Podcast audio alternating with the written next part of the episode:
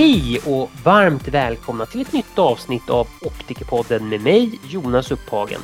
I månadens avsnitt ska vi lära oss mer om optisk myopikontroll med Linda Lundström som forskar inom visuell optik på KTH.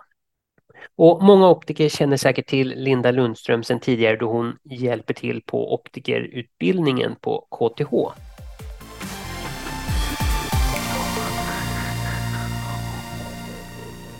Hej Linda och varmt välkommen till Optikerpodden. Hej Jonas, vad kul att få vara här. Ja, som vanligt så är det jag som ska tacka för att du tar dig tid att prata med mig så här. Vi kan väl börja med att du ger en liten introduktion av dig själv och din bakgrund inom ögon för lyssnare som inte vet vem du är. Ja, eh, jag heter Linda Lundström. Eh, jag jobbar som professor på KTH, eh, leder en forskargrupp i visuell optik. Att vi håller på med visuell optik och ögats optik då, det är för att vi undervisar med KI tillsammans på optikerutbildningen. Så vi har eh, grundkurser i optik för blivande optiker. Och därigenom vill vi då också ha forskningsverksamhet inom samma område. Så det är på den vägen som det är att KTH håller på med ögats optik. I månadens avsnitt ska vi ju lära oss lite mer om optisk myopikontroll och vad är din koppling till det?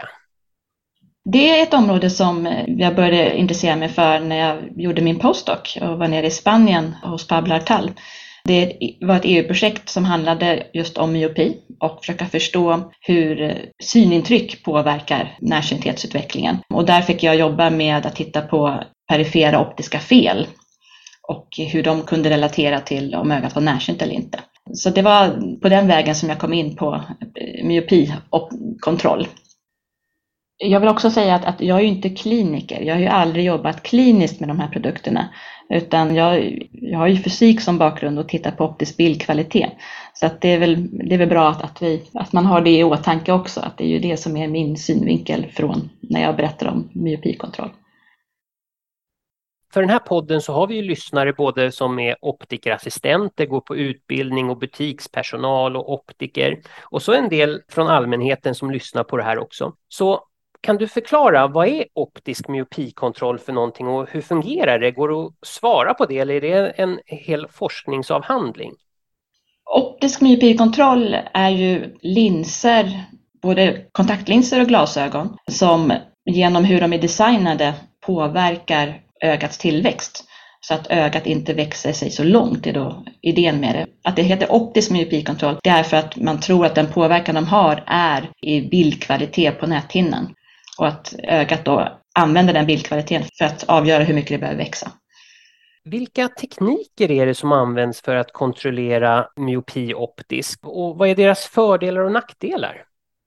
Ja, det finns ju två huvudgrupper, då. Det är ju, eller tre huvudgrupper egentligen. Det är mjuka kontaktlinser, stabila kontaktlinser eh, och glasögon. Exakt hur de fungerar, det vet man inte. Det de gör, det är att man försöker se till att ändra då bilden på perifera näthinnan. Så det är de här stabila kontaktlinserna, det är ju sådana här nattlinser, ortokej, som man då har under natten för att, som formar om hornhinnan och ändrar formen på hornhinnan. Eh, medan eh, mjuka kontaktlinserna är multivokala kontaktlinser, liknande det som man kan använda när man är presbyop också. Och glasögon var i början, när myopikontroll började komma, så lekte man en del med vanliga progressiva glasögon. Eh, men det fick inte riktigt så full stor effekt. Men nu på senare år har det kommit andra typer av glasögon som har, är mer segmenterade i olika små delar som verkar fungera. Hur kan optisk myopikontroll användas för att behandla myopi och hur effektivt är det? Ja, hur det, hur det kan användas det är ju att man då vill ge en optisk, alltså man kan aldrig få ögat att krympa. Om närsynligheten beror på att axiallängden har blivit för lång, då kan man liksom inte ha en optisk myopikontroll för att få ögat att krympa och bli mindre igen. Utan de måste användas innan ögat har vuxit sig för långt. Så att idén är att den här optiska myopikontrollen ska användas på barn som man tror är på väg att utveckla hög myopi. Och hur effektiva de olika behandlingsmetoderna är, det är faktiskt lite svårt att svara på. Studierna som har gjorts har ju oftast använt att de har en kontrollgrupp och så har de en grupp som de har gett myopikontroll. Effektiviteten har varierat en del. Ska man säga en siffra så kanske den är ungefär på 60 procent, att man kan minska myopiutvecklingen till 60 procent. Men det är svårt att ge någon exakt siffra för det beror på vilken kontrollgrupp man har använt, det beror på vilken population man har mätt på. Det verkar finnas olika faktorer både när det gäller etnicitet och när det gäller eh, vilken miljö du befinner dig i och som påverkar också. Jag kan inte ge något exakt svar på den frågan. Jag vet ju att man brukar prata om ett hyperopt bildskal. Kan du berätta lite kring hur man vet att det här funkar? Ja, det, det, här kom man ju fram till, det var ju djurstudier. Det finns väldigt mycket studier på kycklingar men även på apor där man märkte att det gick att reglera hur mycket ögat växer genom att ge den olika bildkvalitet. Så det finns väldigt kända studier där man har lagt, man har gett ögat eh, en lins som gör att bilden hamnar framför näthinnan och då har man fått att ögat då inte växer mer utan håller sig stabilt. Och sen så har man lagt på en lins som istället då, en negativ lins som då istället lägger bilden bakom näthinnan, nästa bild. Och då har man fått att ögat då ökar sin tillväxt. Och det här har varit en väldigt tydliga effekter. Man kan till och med kunnat göra det lokalt på vissa delar av näthinnan så man kan få liksom perifera delen och, och centrala delen att reglera olika. Det har man framförallt sett på kycklingar. Men det här att det faktiskt finns en så tydlig synrelaterad korrelation med tillväxt är väldigt tydligt i, i många djurarter och även i, i mänskliga ögon. Ehm, så tror vi idag att synintrycket eller den optiska bilden, var den ligger någonstans, påverkar hur ögat växer. Tillverkarna tror jag ofta pratar om ett hyperopt perifert bildskal, ja. Att man vill ha bilden ute i periferin. Ehm, om det hamnar bakom näthinnan, som du är hyperop i periferin, då kan det vara risk för att det triggar att ögat börjar växa och växa sig för långt. Eh, och då är idén bakom flera av de här myopikontrollteknikerna som finns idag är att man ska flytta den bilden framför näthinnan så att då lugna ner tillväxten för ögat. Sen om det faktiskt är det de gör, de här eh, myopikontroll, eh, optiska myopikontroll som finns idag, är inte riktigt lika säkert. Men det är i alla fall det som är den bakomliggande tanken kring det.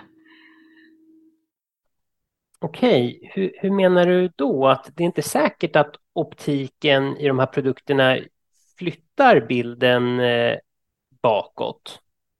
Nej, det är mycket för, det är mycket för att de, flera av dem bygger på multifokalitet. Och multifokalitet innebär ju att man har liksom olika styrkor i, över olika delar av pupillen. Så ljuset som går genom olika delar av pupillen och i olika vinklar in i pupillen eh, känner av olika styrkor. Eh, men det blir ju att det, alla som har, har fått pröva multifokala kontaktlinser någon gång märker ju att det gör ju att kontrasten blir sämre. Att man får ett stort skärpedjup av det. Tittar man då i periferin där vi redan har andra optiska fel som är med också, så gör det här att det blir inte alls så tydligt var den bästa bilden ligger någonstans längre. Och, alltså om man tittar på en optisk myopikontroll i sig själv, alltså om man bara mäter på linsen utan ögat där, ehm, så stämmer det att, att det finns, den har ju plusstyrkor i sig. Så att det stämmer att det finns liksom en, en effekt av att börja flytta bilden närmre linsen framför näthinnan. Då. Men när man har dem på ögat så är den effekten inte alls lika tydlig.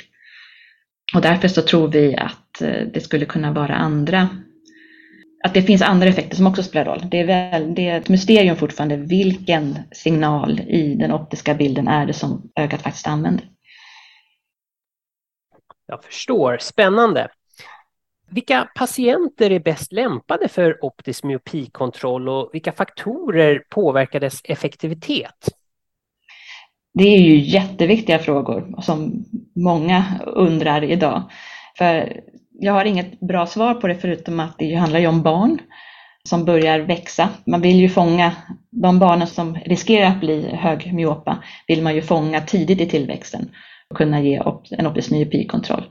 Det är ju väldigt mycket prat om tillväxtkurvor eh, för ögat, att försöka titta på om barnet följer normal, en normal tillväxtkurva eller om det verkar vara växa för snabbt. Sådana kurvor vore bra att få fram för flera olika populationer. Men det finns några sådana kurvor för holländska populationer som kan nog vara intressant för svenska kliniker också. Okej, men eh, det behövs eh, mer forskning på svenska eller nordiska barn om jag förstår det här rätt. Ja, vi tror ju det. Den stora merparten av forskningen kring myopi och myopikontroll har gjorts i Asien. För där har de ju haft en väldig ökning av, av närsynthet.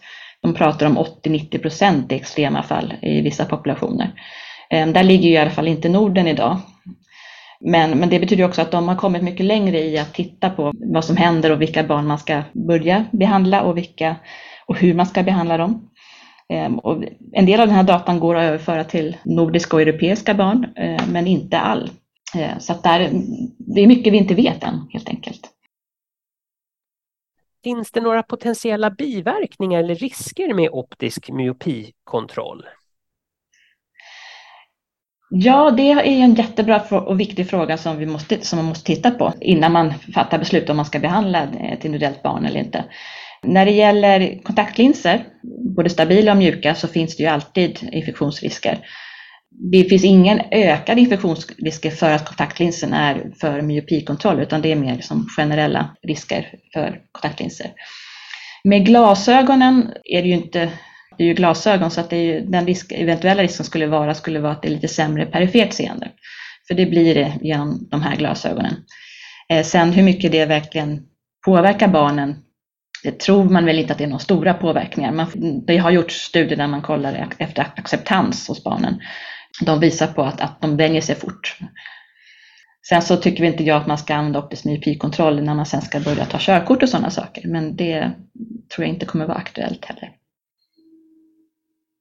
Okej, okay. jag, jag har ju inte själv använt de här glasögonen exempelvis. Jag är ju inte närsynt så att det är inte aktuellt för mig alls. Men eh, de kollegor som jobbar med det här, där har jag ju fått uppfattningen om att de patienterna inte upplever några större besvär med periferera seendet. Nej, nej, och det stämmer ju bra överens med de studierna att man vänjer sig. Ögat är ju väldigt, eller vår syn är väldigt adapterbar. Ehm, så vi kan vänja oss. Har man sämre perifer syn så kan man börja kompensera för det genom sin centrala och sånt. Så att det, jag tror inte att vi har några stora risker med det, nej, det tror jag inte. Nej, vad, vad skönt. Eh, vad säger då den senaste forskningsresultaten inom det här området och hur kan det eh, bidra till framtida behandlingsmetoder? Ja, alltså de senaste forskningsresultaten är väl egentligen de här glasögonen som kommer ut nu eh, i olika typer av design. Det trodde man ju inte i början, alltså för, när kan det ha varit, fem år sedan så blev de nästan hånade när de var på en konferens och skulle presentera de här glasögonen som nu har visat sig fungera på liknande nivå som, som kontaktlinserna. Så det är ju fortfarande en av, de, en av de stora nya sakerna. Vi har ju inte hunnit få ut så många studier än från glasögonen.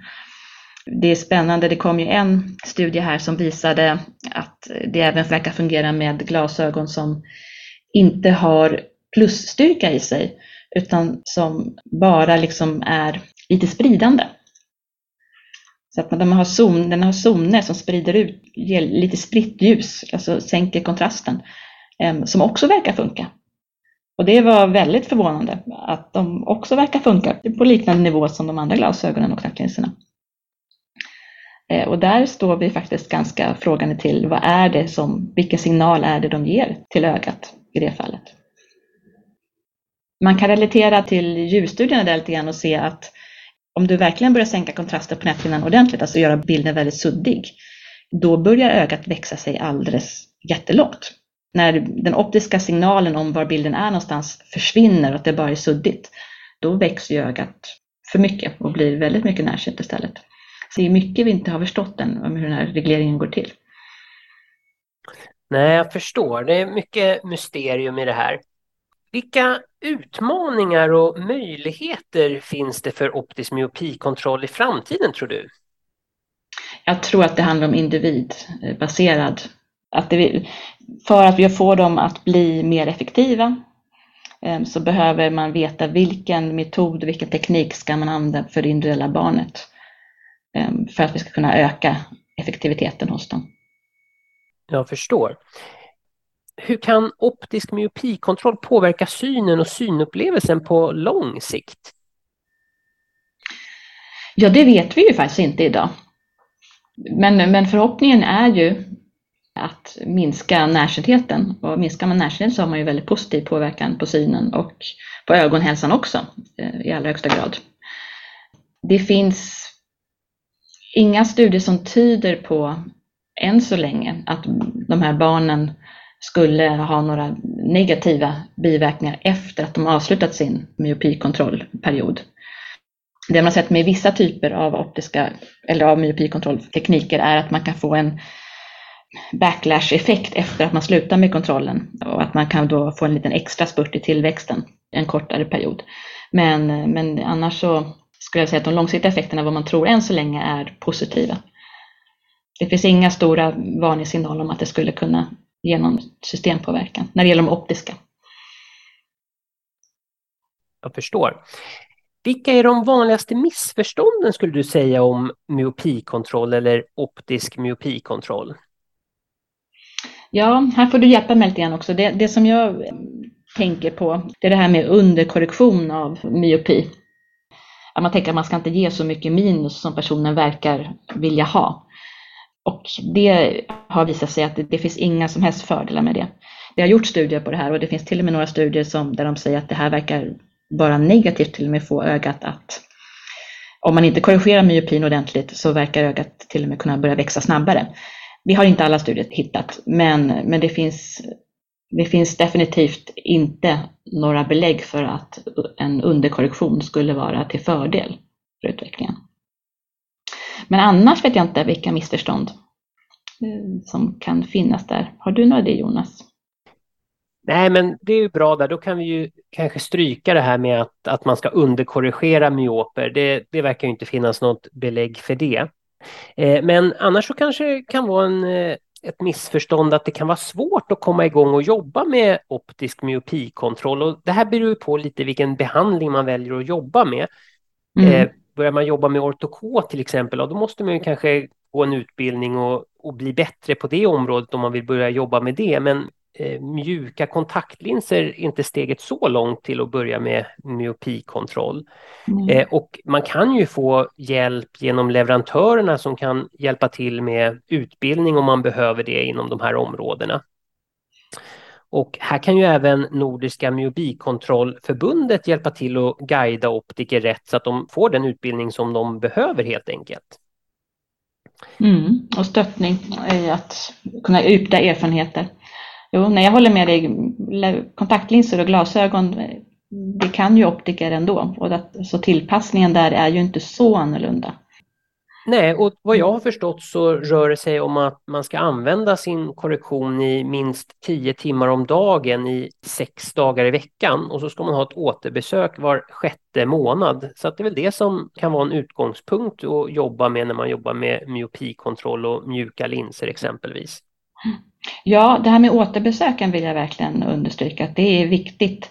Även om man har en patient som man inte börja med myopikontroll på.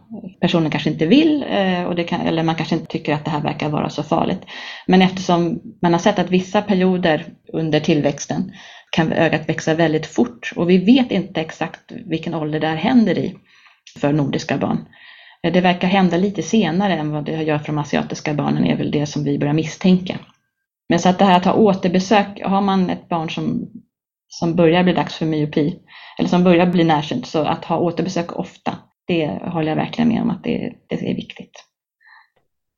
Tycker du att man ska ha det oftare än sex månader eller?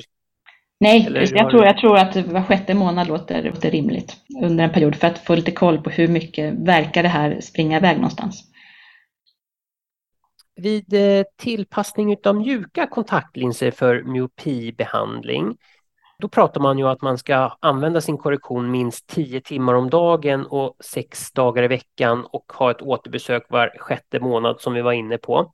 Mm. Eh, vet du om det finns några rekommendationer kring glasen? Om det finns något minsta antal timmar som man ska bära dem för att se någon effekt?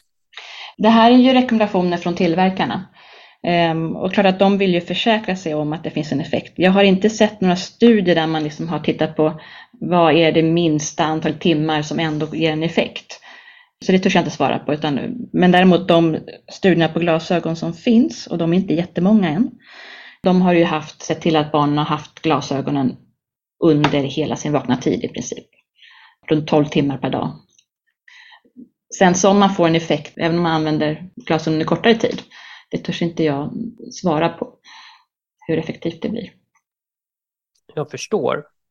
De här tio timmarna som jag pratade om sex dagar i veckan, det, mm. det, är ju från Cooper Vision som jag har fått de rekommendationerna. Och eh, de menade ju då att i en studie som de har tittat på så, så var det just tio timmar som de här barnen hade använt korrektionen. Mm. Menar du att det inte finns några studier där utan att det där är rekommendationer bara som leverantörerna säger? Oh, Eh, för glasögon har jag inte sett någon studie. För Cooper Vision har jag inte så bra koll så att du svarar på det. Så det, det har säkert eh, jag okay. tror på dig. Jag tror ja, på nej, men, från, från, vi hade lite utbildning med Cooper Vision, två eh, optiker därifrån som pratade kring det här området. Och mm, mm. Då, då menade de att om man skulle luta sig mot en studie inom deras då, mjuka kontaktlinser, då var det att man skulle ha korrektionen minst 10 timmar, sex dagar i veckan och återbesök var sjätte månad, för det var så man hade gjort i den här studien. Eh, men, men hade, hade de prövat att göra med andra antal timmar? Det, det var det som jag undrade över. Nej, nej, de har inte provat andra timmar, utan de har ju bara provat med det här kombinationen. Liksom. Ja, så det, det, är det, de måste, det är det enda de kan rekommendera då, för att det är det enda som är gjort. Ja, precis. Och det är det jag menar, att, att precis, för de, det är det de har prövat. Men om det skulle vara så, det kanske hade funkat med kortare antal timmar om dagen. Eller det kanske hade blivit ännu mer effektivt om man hade haft ännu längre tid. Det vet, jag har inte sett några sådana studier. Nej, jag förstår. Jag, jag vet inte vad som händer där. Eh, jag vet att du tidigare har forskat inom eh, hur man förbättrar det perifera seendet när makula har drabbats av sjukdom. Är det här någonting som du fortfarande jobbar med? eller forskar inom? Ja, precis, det var det vi började med när, när Peter Unsbo och jag, när jag kom och började doktorera här. Ehm, då, tillsammans med Jörgen Gustafsson så tittade vi just på makuladgenerations, eller centralt skotom då, att man inte har något seende rakt fram. Och, och så tittade vi på hur man kunde göra det, det perifera seendet bättre med hjälp av eh, optiska korrektioner. Den biten forskar vi inte på mer idag, utan där, där börjar vi bli mer färdiga att vi vet att rätt glasögonkorrektion även för periferin ger bättre kvarvarande syn eh, för den här patientgruppen. Ehm, och det har vi pratat en del med syncentraler om också. Så att det är en kunskap som, som mer behöver spridas kliniskt i organisationen. Det är inte någon ny teknik som behövs och det är, inte, det är bara en, en större medvetenhet om det. Och sen så är det ju utmanande. Det är inte alltid som det finns en stabil fixation och svårt att ge en bra glasögonkorrektion. Så att eh, däremot har vi börjat, tittar vi fortfarande på den perifera synen eh, för äldre, men mer då försöker förstå hur den ändras och om man kan hitta olika sjukdomar genom att se förändringar i perifer syn. Jag förstår. Man ska försöka korrigera så bra som möjligt för att det hjälper även det perifera seendet. Mm. Vad är det som gör att ortokå fungerar som myopibehandling? Är det någonting som du kan svara på? Jag kan gissa. Jag tror att det är den här kraftiga förändringen i hornhinnans form ute i kanterna eh, runt om pupillen. När hornhinnan har plattats till i mitten så blir det en, en övergångszon som, blir, som blir, får väldigt kraftig krökning eh, ute i periferin. Ehm, och den här märker man inte av särskilt mycket centralt när, liksom när man tittar rakt fram på någonting. Men, men ljuset som kommer in då snett in i ögat och hamnar på, på den perifera näthinnan, det bryts ju annorlunda när det går genom den här zonen. Och man har sett att de optiska felen där förändras väldigt eh, kraftigt. Och det här med ortokej fanns ju innan man började tänka på myopibehandling och myopikontroll. Så det var en av de första metoderna som kom sen för myopikontroll, när man då upptäckte att jaha, det här verkar funka för att hindra, axial, liksom hindra axiala tillväxten också på ögat. Jag förstår. Och jag har ju en liten bakgrund inom refraktiv kirurgi och där plattar man ju till hornhinnan genom att bränna bort lite av vävnaden där och få en lite flatare och plattare yta. Och då tänker jag att det finns en likhet där mellan hur optiken fungerar i ortoko och vid en laserbehandling. Eh, finns det några studier som visar att refraktiv kirurgi, laserkirurgi där vi planar ut hornhinnan, att det skulle kunna ha en inbromsande effekt på närsynthet? Det är en jättespännande tanke. Eh, jag har aldrig sett någon studie om det. Jag har, aldrig, jag har heller aldrig tänkt den tanken, ska jag erkänna. Eh, men, men ju bättre lasermetoderna blir, vem vet vad som kan komma. Men det som är skillnaden mellan alltså, att göra en laserbehandling och göra ortokej är väl att laserbehandlingen blir inte lika kraftig knyck liksom på hornhinnan. Utan det är, det är lite mjukare eftersom det blir en, en naturlig tillväxt av hornhinnan efter själva laserbehandlingen så blir det inte lika kraftig förändring. Så jag gissar på att det, man inte får precis samma effekt av det. För det är inte flatheten som gör utan det är, tror jag, jag tror att det är den här övergångszonen som blir väldigt kraftig. Okej, okay, ja men tack för de, dina eh, idéer där och dina teorier. Ja, men det var faktiskt alla mina frågor som jag hade. Då tackar jag dig jättemycket för att du tog dig tid att prata med mig i Optikerpodden. Ja, stort tack själv.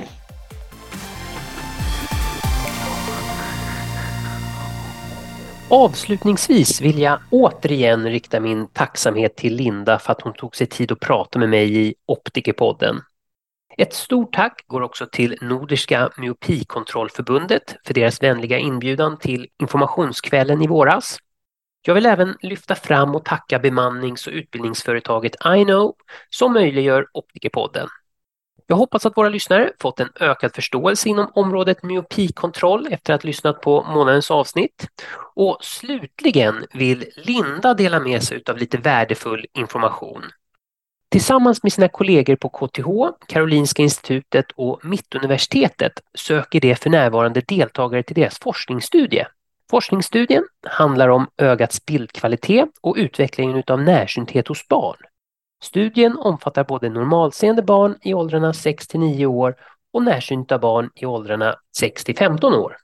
Ni hittar kontaktformuläret för studien i beskrivningen av detta poddavsnitt. Så med dessa ord avslutar jag med att säga vi hörs!